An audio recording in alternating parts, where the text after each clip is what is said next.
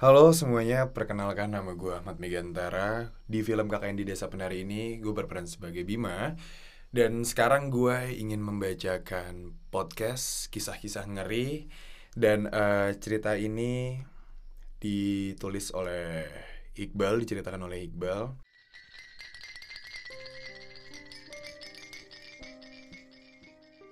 Sebagai salah satu kewajiban untuk lulus, aku dan delapan orang teman lainnya harus menyelesaikan KKN.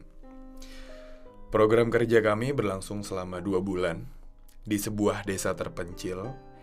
Desa tersebut terletak di sekitaran hutan. Semenjak awal kami menjalankan KKN di desa tersebut, perasaan kami sudah tidak enak. Kami sering merasa diganggu. Semua kejadian aneh ini dimulai di hari pertama KKN.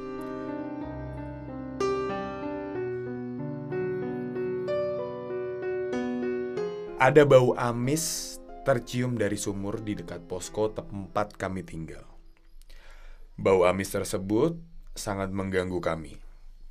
Akhirnya kami memutuskan untuk cek sumber dari bau tersebut. Dan kami semua langsung kaget. Karena menemukan seutas tali pocong di dalam sumur.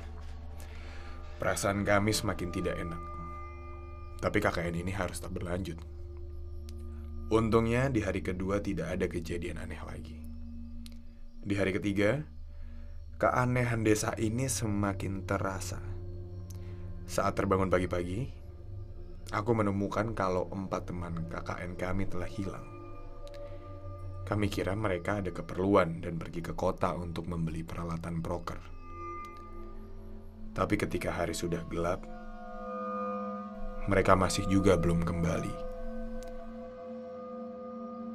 Lima orang, termasuk aku, yang tersisa di posko, langsung panik dan meminta pertolongan kepala desa untuk mencari mereka.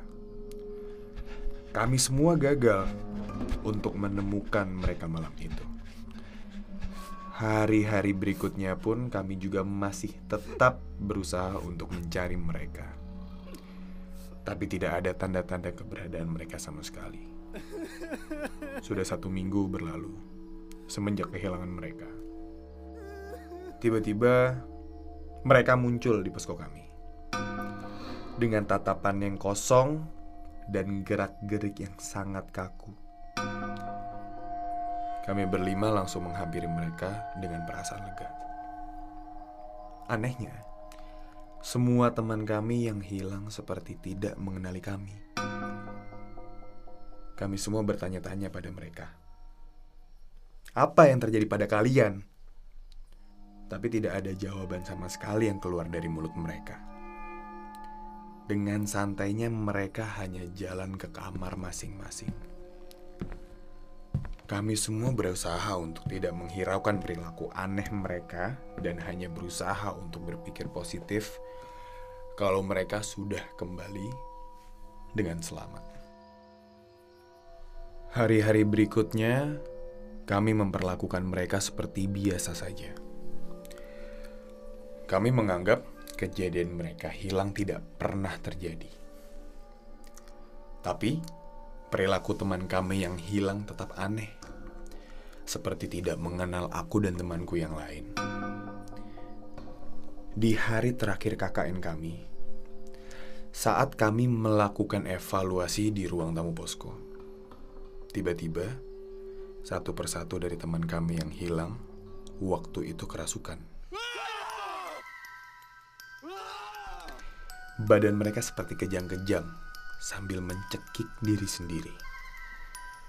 Kami berlima langsung ketakutan dan lari sampai ke ujung gerbang desa untuk mencari pertolongan. Kami ditemukan oleh warga dan langsung dibawa ke kota. Dua hari kemudian, kami kembali ke desa tersebut untuk menjemput teman kami. Kata warga sekitar, teman kami hilang. Dan sampai sekarang mereka belum ditemukan. Untuk teman-teman yang memiliki kisah-kisah ngeri, bisa kirim kisah-kisah ngerinya untuk dibacakan ke KKN di Desa Penari Movie at gmail.com